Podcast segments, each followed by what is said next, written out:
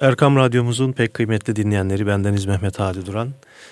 Bir Mihrab'ın çevresinde programımızda da yine huzurlarınızdayız efendim. Değerli hocamız Mustafa Akgül ile birlikte. Hocam hoş geldiniz. Safalar hoş bulduk getirdiniz. efendim. Programımız hayırlara vesile olur. Hayırlara vesile olur inşallah.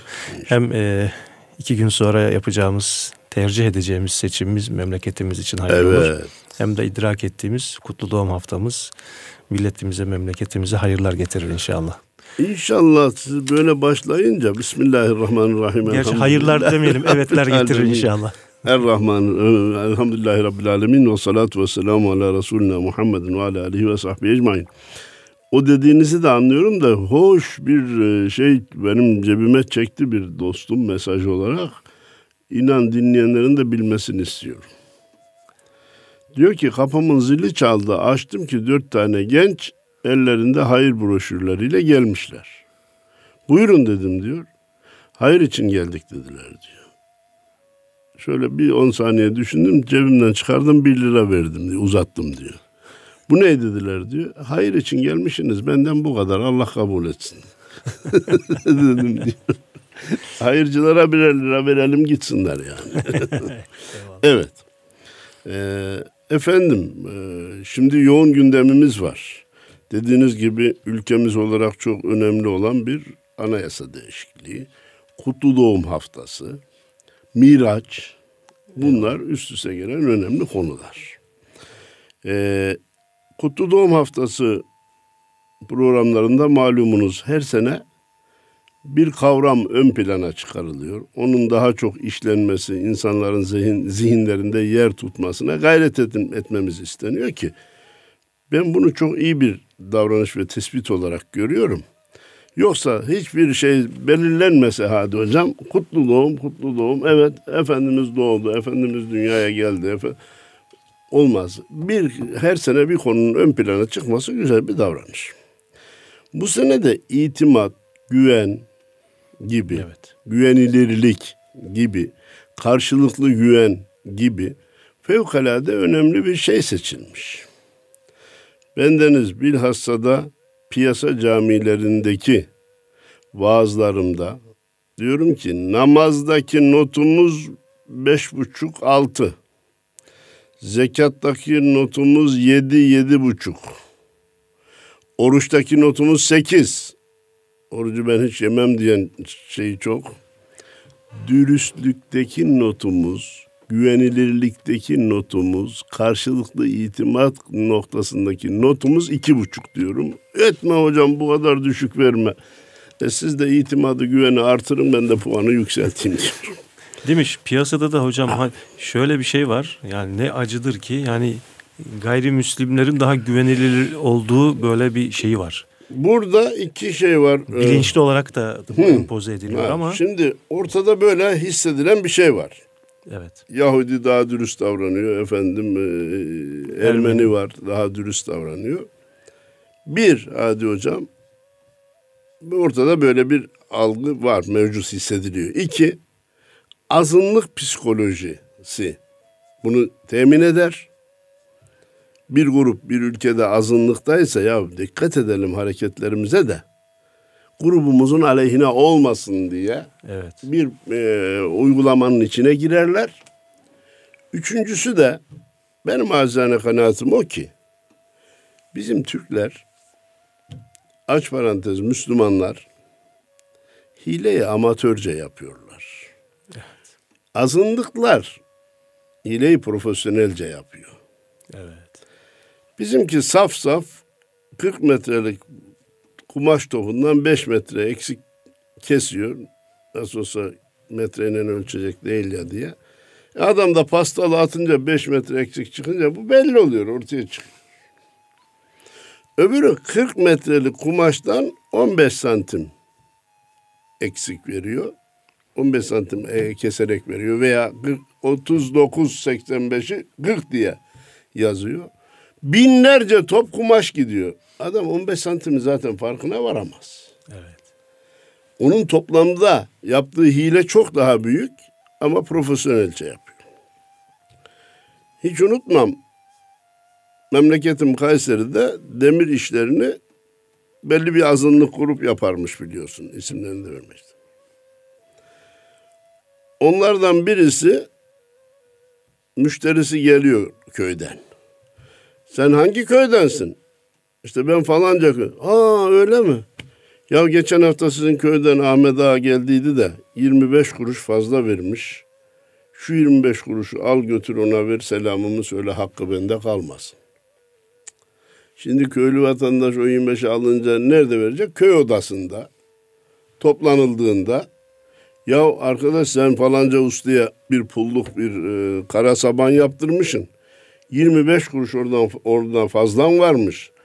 Adam benimle sana gönderdi. Al şu 25 kuruşu deyince köy odasındakilerin hepsi ya ne dürüst adammış ya 25 kuruşu geri gönderdi. Oradan en az 10 tane 15 tane müşteri edindi. Böyle e, taktik şeyler de olabilir. Ama başkası sahtesini yapıyor diye bizim dürüstünü yapmaktan uzaklaşmamız izah edilemez. Evet. Hayır, dürüstlük bizim sıfat-ı lazimemiz eski tabiriyle, şimdiki tabiriyle ayrılmaz davranış şeklimiz olması gerekir. Mümin, inanan ve inanılan kişi demektir. Evet. Güven çok önemli. Malumunuz her bu konu açıldığında Efendimizin Müslümanı tarifi gündeme gelir. Elinden ve dilinden bir rivayette Müslümanların emin olduğu, bir rivayette de bütün insanların emin olduğu evet. kişidir denilmiş. Ee, başka hadis-i şerifte ki onun da iki rivayeti var e, Hadi Hocam. Aldatan bizden değildir, bizi aldatan bizden değildir. Her ikisi de bugün için çok önemli. Benim e, şahsi kanaatim ki çoğu Müslüman buna iştirak edecek. Sadece bizi aldatan, aldatan değil. Bütün insanları. Hiçbir insanı aldatmayan olmalıyız. Herhangi birini Müslüman gayrimüslim aldatanın bu hadisin tehdidi altına girdiğini unutmamalıyız. İki şeyden dolayı. Bir, Müslüman veya gayrimüslim biz bir insanın hakkını yemek, onu aldatmak gibi bir lükse sahip değiliz. İkincisi ya gayrimüslime bile dürüst davranacağız ki bir gün bizim davranışımızdan hoşlanarak belki dinimizi tercih edecek. E ben hile yaparsam o da bunun farkına varırsa öyle hileler var ki aa kusura bakma deyince geçer. Öyle hileler var ki aa kusura bakma demekle geçmez. İşte yakalandık, kelepçelendik diyor ya üstad. Kelepçelenirsin. Yaptığın hilenin mahkumu olursun. Papucun dama atılır. Eskiden. Papucun dama atılır. Dinine gölge getirirsin. Onun için Müslüman elinden ve dilinden bütün insanların emin olduğu kişi herhangi bir insanı aldatan bizden değildir Efendimiz buyuruyor. Öyleyse arkadaş güvenilir olmak ve güven güvenmek çok önemli. Bir programda bir sohbette arz etmiştim. Bir banka müdürü demişti ki Efendimizin bir hadis-i şerifi var. Anayasayı, kanunları, tüzükleri hep rafa kaldırsak, sadece o hadisi uygulamaya koysak, ülkeye de, aileye de, dünyaya da barışı getirmeye yeter demişti. Ben de çok memnun oldum da müdür bey hangi hadis-i şerifi kastediyorsunuz demiştim. La yu'minu ahadukum hatta yuhibbe li ahihi ma yuhibbu li nefsihi. Sizden biriniz kendisi için sevdiğini kardeşi için de sever hale gelmedikçe mümin olamazsınız. Bendeniz bu hadis-i şerifi daha iyi anlaşılsın diye biraz metin kurallarının dışına çıkarak şöyle tercüme etmeyi tercih ediyorum. Ey Müslüman! Ailende de dünyada da ülkede de huzurun olmasını istiyorsan, Allah'ın huzuruna da kul hakkıyla gitmeyi istemiyorsan, sana yapılmasını istediğin şeyi sen de başkasına yap, sana yapılmasını istemediğin şeyi sen de başkasına yapma. Müthiş, bütün dünyaya huzur getirecek efendim e, hadisi şerif. Biz de çok çetin ve tüyleri ürperten kavramlardan birisi biliyorsunuz kul hakkı kavramı. Evet. Sahtekarlığın hiçbirinin içinde kul hakkından korkma diye bir şey olur mu hadi hocam? Evet. Cümleyi başka şekilde arz edeyim. Kul hakkından korkan ve titreyen hiç sahtekarlık yapabilir mi? Hiç aldatabilir mi? Aldatabilir mi? İnancı kötüye kullanabilir mi? Başkasının kendine olan güvenini istismar edebilir mi? Edemez. Oysa ki bizde dizleri titreten sadece kul hakkı kavramı değil, bir de mahlukat hakkı var. Bir de mahlukat hakkı var. Sevgili kardeşim, sen fabrikandaki imalatı sürdürürken, artırmanın yollarını ararken, fabrikanın kimyevi atıklarını da oradaki akan suya gönderiyorsan, boşaltıyorsan, boşaltıyorsan, arıtma tesisini yapmıyorsan, o balıkların bedduası sana gelmez mi kardeşim? Ya. Geceleri zikir meclisi kuran, dünyanın belki ilk fakat fevkalade uyumlu korosunu kuran kurbağalar sana beddua etmez mi kardeş? Yavrularını, yumurtalarını bile öldürüyorsun. Avlanmadaki ölçüsüzlük bizi mahluk hakkın, hakkıyla Allah'ın huzuruna götürür ki hesabı çetin veririz. Hormonlu yiyecekler üreterek insanların sıhhatini alt üst eden kişi hem mahlukat hakkına tarlanında, toprağında, suyunda hem de kul hakkına giriyor. insanları aldatarak şey yapıyor. Yani insanın hakikaten duyduğu zaman tüylerini ürperten bir kısım üç kuruşluk kazanç için yapılan hileler. Evet. Hadi hocam.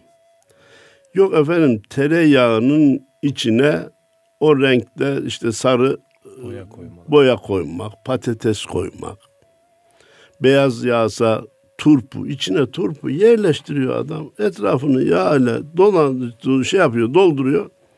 Pazarda gidip satıyor ki nasıl olsa alan gitti evde açtığı zaman turp çıksa da beni bir daha nerede bulacak? Evet. Ya seni bir daha mizanın başında bulacak kardeşim. Seni bir daha sıratın başında bulacak kardeşim. O pul biberlerin içine kiremit tozları. Buyur. Kiremit, talaş.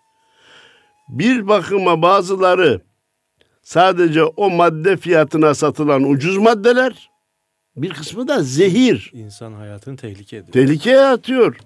Efendim kanser yapan şeyleri maddelerin içine koyuyorlar. Arkadaş, kutlu doğum haftası yapmak ne kadar güzel bir şey. Efendimizin doğumunu hatırlamak ne kadar güzel bir şey. Ama eğer bu hilelere devam ediyorsak biz kutlu doğum haftasını filan ihya ediyoruz diyemeyiz. Demeye utanmamız lazım. Hele hele bu sene de güven ve güvenilirlik gündemdeyken Müslümanlar yaptığı işlerden hileyi terk etmiyorsa, çıkarıp atamıyorsa, hala insanların bilmedikleri yerlerde onları kandırmayı akıllılık zannediyorsa vallahi imanımızı gözden geçirmemiz lazım. Evet. Böyle saçmalık olmaz. Efendim, güven deyince şimdiki insanımızın hafsalasının alamadığı, bugünün tabiriyle kapsam dışında kalan ecdadımızın uyguladığı bir kısım dürüstlükler varmış. Hadi hocam. Evet. Vallahi onları şimdiki insanın hafsalası almasa bile gündeme taşımak lazım. Zaman zaman insanlara örnek olarak vermek lazım. Çünkü o uygulanmasa bile hiç olmazsa yaptığı hilenin bir kısmından vazgeçse, Allah Allah dese, bu nasıl şeymiş dese o da bize fayda temin eder. İki örnek. Bir, anlatılır. Ben inanıyorum. İsteyen inanır, isteyen inanmaz. Ayet, hadis demiyoruz. Ertuğrul Gazi zamanında bir vatandaşımız diğer vatandaşına bir tarlayı satmış hadi hocam. Alan adam da çifti sürerken oradan bir çömlek altın çıkmış. Haydi çömleği kaptığı gibi, kucakladığı gibi tarlayı kendine satan adama götürmüş. Kardeşim, sen burayı bana toprak olarak verdin. İşte tarla zaten e, aldığın fiyattan da belli. İçinden çıkan bu çömleğin içindeki altın 10 tane tarla eder. Sen bilseydin ya önce bunu alır verirdin ya da bununla satsan bunun da değerini benden istemen gerekirdi. Onun için bu senin al. Satıcı demiş ki yok ben orayı sana sattım. Altıyla üstüyle sattım. Altıyla üstüyle sattım. Ne çıkarsa senin. Orada üstte toprak görünüyordu. Şimdi ben de biraz e, ilave edeyim. Üste toprak görünüyordu. Altından taş çıksaydı sürerken efendim o taşı ayıklamak sen mecburiyetinde kalsaydın. Büyük bir taş çıksaydı onu kırmak için masraflar etseydin. Gelip benden mi isteyecektin? Yok. E, küp çıktıysa da altın çıktıysa da bu da senin. Yok senindi yok benimdi. İş kadıya intikal etmiş. Kadı demiş ki madem bu kadar titiz davranıyorsunuz, haktan korkuyorsunuz. Biz bunu hazineye irat kaydedelim ikinizin de olmasın. E olur demişler çünkü biri almamaya razı, biri vermeye razı. Hazine memuruna varılıp da bu şurada bu kadar altın var hazineye irat kaydet deyince demiş ki Kadı Efendi Beytülmale belli, belli olmayan, kökü belli olmayan, nereden geldiği belli olmayan malı nasıl sokarız? Allah Allah. Bu ümmeti nasıl böyle bir tehlikeye atarız? Belki birisi çaldı giderken oraya gömdü. Hırsızlık olabilir, gasp olabilir, başka bir şey olabilir. Çünkü ne satan nereden geldiğini biliyor, ne alan nereden geldiğini biliyor. Bunun için biz bunu hazineye irat kaydedemeyiz. Ümmetin malının içine belirsiz bir malı sokamayız. Ya vallahi insanın dizlerini titretir hadi hocam. O zaman kamil, mükemmel bir mürşide gidilmiş. Efendim biz bu işin içinden çıkamadık. Ne yapalım? Bu almam diyor, bu veririm diyor. Hazineye de veremedik. O büyük zat buyurmuş ki evladım senin ev, evlat, uşak, çoluk, çocuk neyin var? Efendim işte iki oğul, üç kızım var. Senin neyin var? Üç kız, iki oğlum var. Yaşları kaç? Bakmış ki birinin oğlu diğerinin kızıyla evlenecek yaşta. Tamam demiş sen kızınla sen oğlunu evlendir bunu da onlara verelim. Satıcınınsa da alıcınınsa da çocuklarına intikal etmiş olsun. Bu da müthiş bir buluş. Evet. Şimdi efendim bu bir anlatıldığı zaman hafsalamız almadığı halde gündeme taşımalıyız. Güven ne demek, birbirine olan itimat ne demek, üç kuruşluk dünya malından kaçınıp da aman hak yemeyim diye titremek ne demek? İnsanımız bir düşünsün. İki, hele şunu ya bu, bu hadise olmuş mu olmamış mı diye düşünebilir insanlar. Ben içindeki mesaja bakıyorum. Evet. Ama şimdi nakledeceğimi kimse inkar edemez. Sadaka taşı. Osmanlı'da Şimdi açsınlar internete sadaka taşı diye yazsın. Kaç çeşit de sadaka taşı kullanıldığını orada görebilirler. Evet. Tabii radyoda gösterme şansım yok ama izninizle kısa bir reklam yapayım. Bu kutlu doğumda davet edildiğim yerlerde şu bugünkü sohbetimizin slide gösterili şeylerini hazırladım. İmkan bulduğumuz yerde perdeye düşürerek de anlatacağız. Onun için dün çalışırken sadaka taşı diye yazınca kaç çeşit sadaka taşı olduğunu, kullanılan sadaka taşlarının resimlerini veriyor internet. Neymiş efendim bu sadaka taşı? Mahallenin bir yerine sadaka taşı denen bir taş konuyor. Zenginler yapmak istedikleri hayrı, infakı, yardımı oraya götürüp koyuyorlar. İhtiyacı olan fakirler de Biliyor ki orada sadaka taşı var. Oraya varıyor, ihtiyacı kadar alıyor. Ama burada ne varsa hepsini süpüreyim, götüreyim demiyor.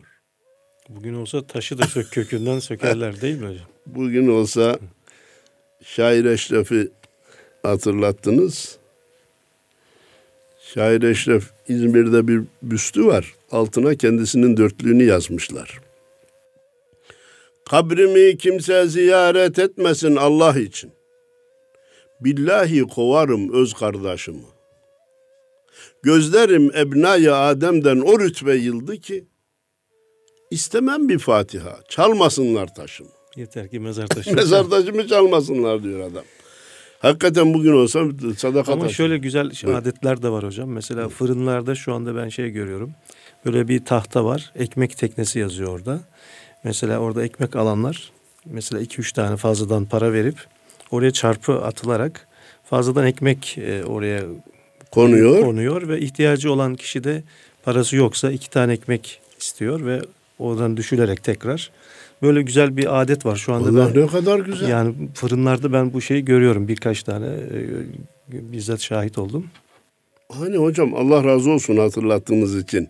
Biz zaman zaman bize yakışmayan davranışları görünce ya ecdadımızın torunu nasıl torunuyuz? Niye biz onların yaptığını yapmıyoruz diye şikayet ediyoruz.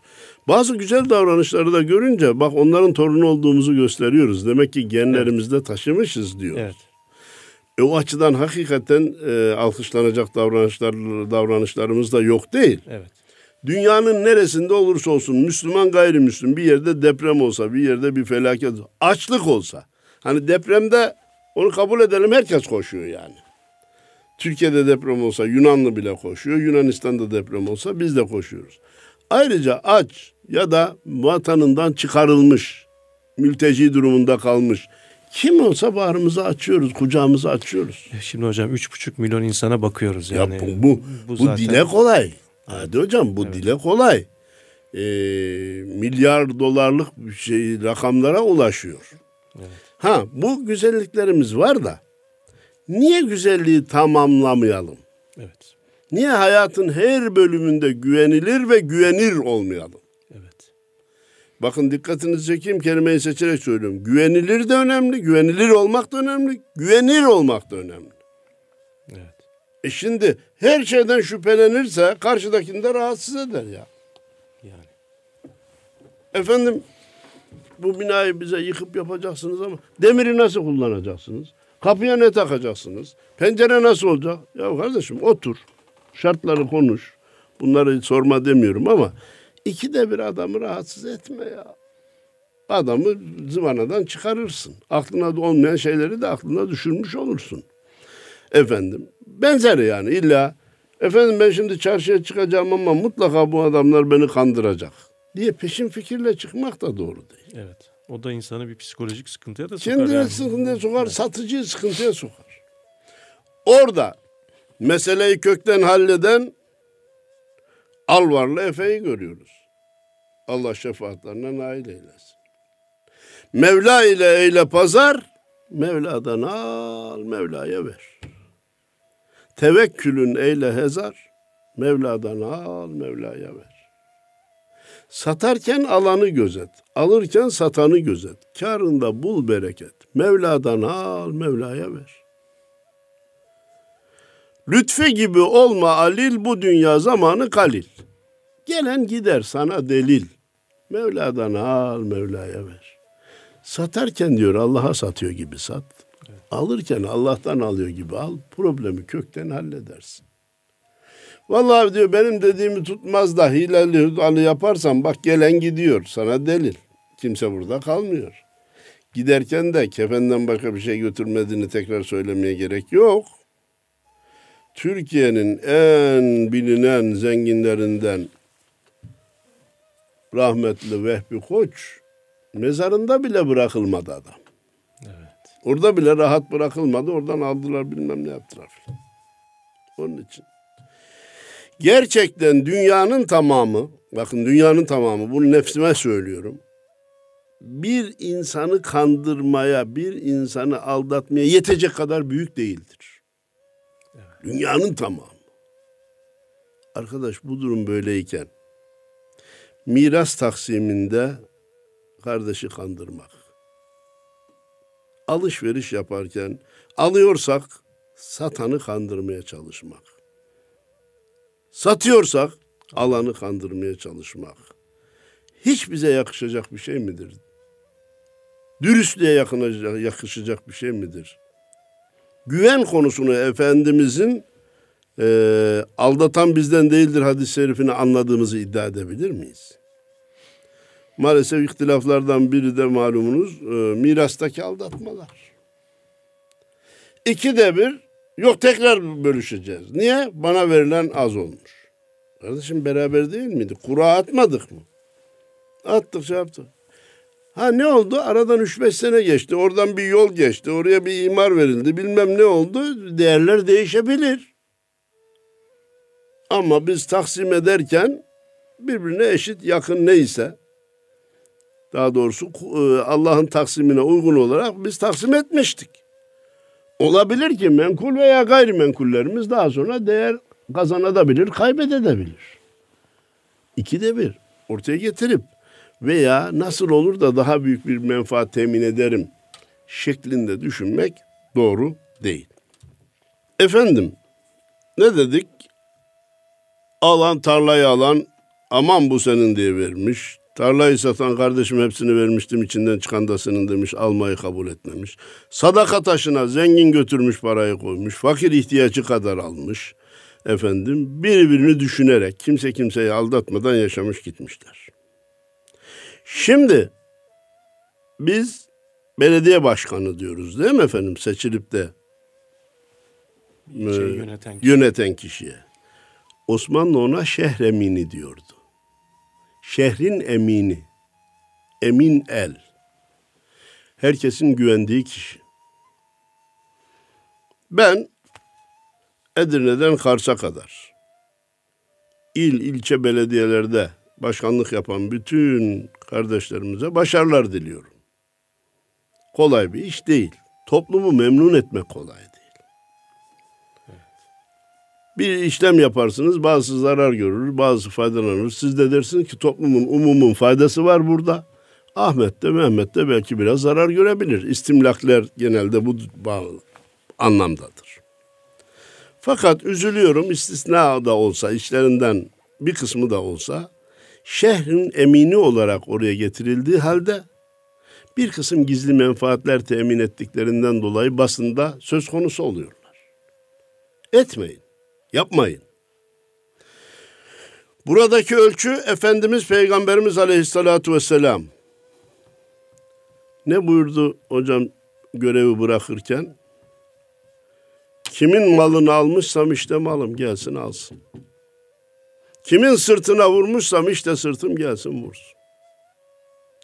Seçildiğin ilk günden itibaren bir gün ben bu vazifeyi bırakacağım. Bırakırken peygamberim gibi bırakacağım. Ne yapacağım? Çıkacağım. İlçede görev yaptıysam ilçe halkına, ilde görev yaptıysam il halkına, ve muhtarlık yaptıysam köyde. Ey komşular, Ey hemşeriler benim vazifem bitti. Olabilir ki farkına vararak varmayarak kimin hakkını yemişsem işte malım gelsin alsın.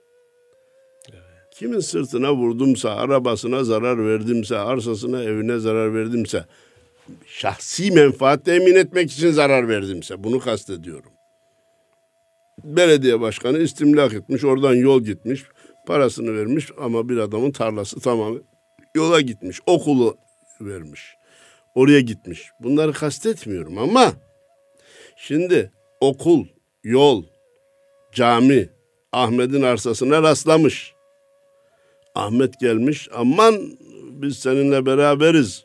Buradan bunu kaydır demiş. Mehmet'in arsasına kaydırılmışsa bu da kul hakkıdır.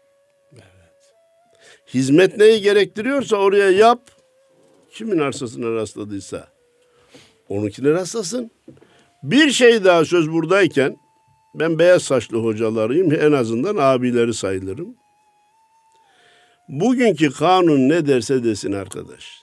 İstimlakta malın piyasa kıymetini verin mağdur olmasın vatandaş. İstimlak deyince hemen insanların aklına ne geliyor? 10 liralık malıma belediye 1 lira verecek. Evet. Kardeşim buradan yol geçiyorsa, buraya cami okul yapılacaksa, bura umuma lazım olan bir yerse vatandaşı da mağdur etmeyelim. Piyasa değeri neyse onu verelim. O da gitsin o parayla bir yerden kendine aynı malı alabilsin. Veya gayrimenkul vererek onu muzdarip etmeyelim.